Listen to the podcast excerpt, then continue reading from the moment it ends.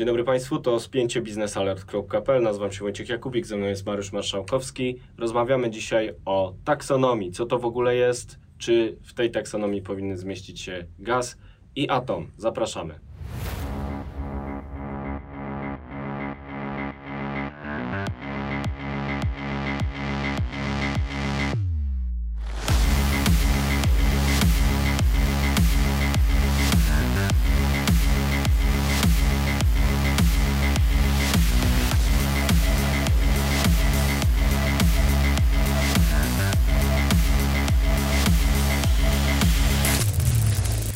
Jesteśmy chwilę po tym, e, jak Parlament Europejski odrzucił e, sprzeciw części europosłów dotyczący tego, aby nie włączać e, w akcie dedykowanym do taksonomii europejskiej gazu i atomu. No i Wojtku, pytanie.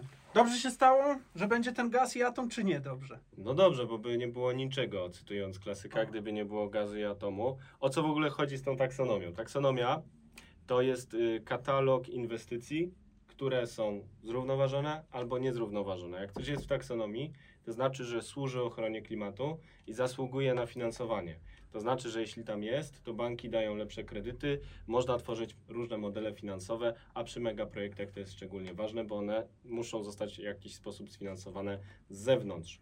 A zatem, jeśli chcemy zbudować e, elektrownię jądrową, potrzebujemy stworzyć do niej model finansowy, to Atom w taksonomii oznacza, że mamy zielone światło i na przykład Polska może sobie tworzyć model finansowy. Komisja Europejska nie będzie go blokować jako niezrównoważonego i szkodzącego klimatowi. No dobrze, ale mówi się o tym też, to, to jest postulat części, czy argumenty części środowiska, które jest przeciwne włączeniu gazu i atomu, głównie gazu do taksonomii. E, To jest argument dotyczący mm, tego, że mm, będziemy w ten sposób finansować reżim Putina. No i to nie do końca jest prawda, bo y, jeżeli chodzi o taksonomię w gazie, to tak samo chodzi o to, żeby inwestować w nowe przedsięwzięcia gazowe, czyli już nie w Nord Stream 2, tylko raczej w inne, które po pierwsze pozwolą dywersyfikować źródła dostaw, czyli załóżmy e, zielone światło dla gazów taksonomii, to szansa na środki, na przykład na drugi polski pływający terminal Mhm. LNG, więcej środków unijnych, kolejne liczne projekty gazowe, które będą potrzebne, żeby porzucić gaz rosyjski zgodnie z unijnym programem Repower EU. Czyli będziemy inwestować w gaz, ale po to, żeby pozbyć się gazu rosyjskiego, więc Mhm. tutaj te argumenty są dosyć nietrafione.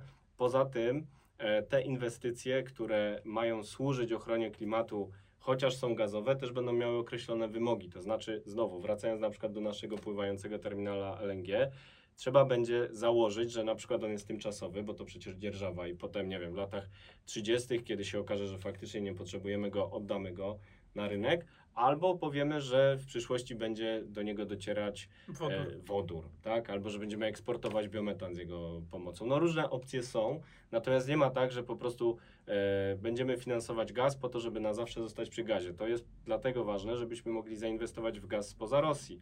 Bo fajnie by było porzucić gaz od jutra, jak te instytucje, o których mówiłeś, e, sugerują, tylko że się nie da. Mówią, żeby iść całkowicie tylko w OZE. I potem się okazuje, że to OZE trzeba czymś zabezpieczyć. To mówią, że nie atomem. No to czym? To gazem. Mhm. Ale gazu nie jesteśmy w stanie tyle zapewnić sobie spoza Rosji, żeby pójść teraz w gaz.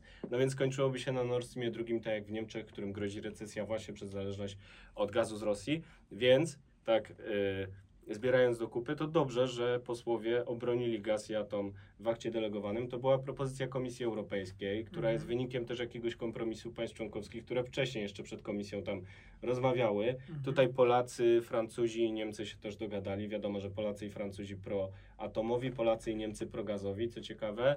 E, jakoś tutaj spotkali się po środku i wygląda na to, że posłowie do Parlamentu Europejskiego też jak doszli do porozumienia, pomimo coraz większego ekstremizmu po jednej i po drugiej Mhm. stronie, po tej węglowej i po tej odnawialnej. Tu jeszcze jest ważny element, który warto dodać, bo mówimy o energetyce, a poważnym wyzwaniem transformacji, przed transformacją stoi oczywiście ciepłownictwo. Czyli ten sektor, który w Polsce jest e, trochę niezauważany w, w dyskusjach o Ale transformacji. zimą będzie zauważony. Ale zimą mocno. na pewno, zimą Wszyscy na go pewno, zauważymy. zimno na pewno 25, po- ponad 25% społeczeństwa, które korzysta z usług ciepłownictwa systemowego na pewno skorzysta z tego Zauważy. zauważy, jak ważne jest ciepłownictwo. Natomiast y, tak już nie śmieszkując, to to, co podkreśla też branża ciepłownicza.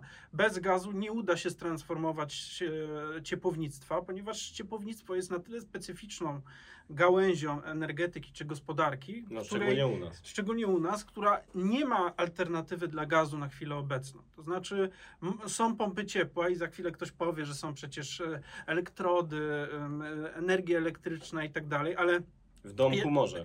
po pierwsze, w domku, w jakimś małym, e, w jakimś małym ośrodku miejskim czy wiejskim można sobie postawić pompę ciepła, można sobie postawić elektrody, ale teraz pytanie, skąd ten prąd wziąć do tej elektrody? Bo jeżeli mówimy o transformacji energetyki, która dzisiaj 70% energii produkuje z węgla, no to chyba nie chcemy transformować na niby, czyli wstawiamy w ciepłownictwo e, jakieś energochłonne urządzenia, które potem będą korzystać z brudnego Tutaj z z samochodami elektrycznymi trochę było, że dopóki 70% energii w Polsce pochodzi z węgla, no to te samochody No, elektryczne są jest- opalane węglem, można powiedzieć w dużym skrócie. Tak, mają taki wielki komin na dachu i z Dokładnie. kominy Ale zielony. Ale Zielony. ten komin jest zielony. No no. Nie, ale także podsumowując nasze spięcie, taksonomia jest wzbogacona o węgiel, o gaz O, i O węgiel nie. o węgiel, węgiel nie, nie. o gaz i atom. Mamy gaz i atom. E, będzie można inwestować, będzie można projektować takie inwestycje. To teraz wystarczy zbudować elektrownię jądrową. tak, to takie teraz, proste. teraz wystarczy, tak, mamy zielone światło, będziemy mieli zielone światło. Teraz wystarczy już ten najłatwiejszy element budowa, także e, Czekamy. Życzymy wszystkiego dobrego dla wszystkich inwestycji gazowych i Wszystkim atomowych, budowniczym. wszystkim W dobie budowniczym. kryzysu. Tak, e, i tym, którzy wykańczają te budowy i tak I dalej. wszystkim sobie chyba w kryzysie energetycznym właśnie zimą, kiedy sobie przypomnimy też o ciepłownictwie, nie tylko o energetyce. Tak jest. E, Dziękujemy, że byli Państwo dzisiaj z nami. Wojciech Jakubik. I Mariusz Marszałkowski. Zapraszamy za tydzień ponownie do spięcia biznesalert.pl.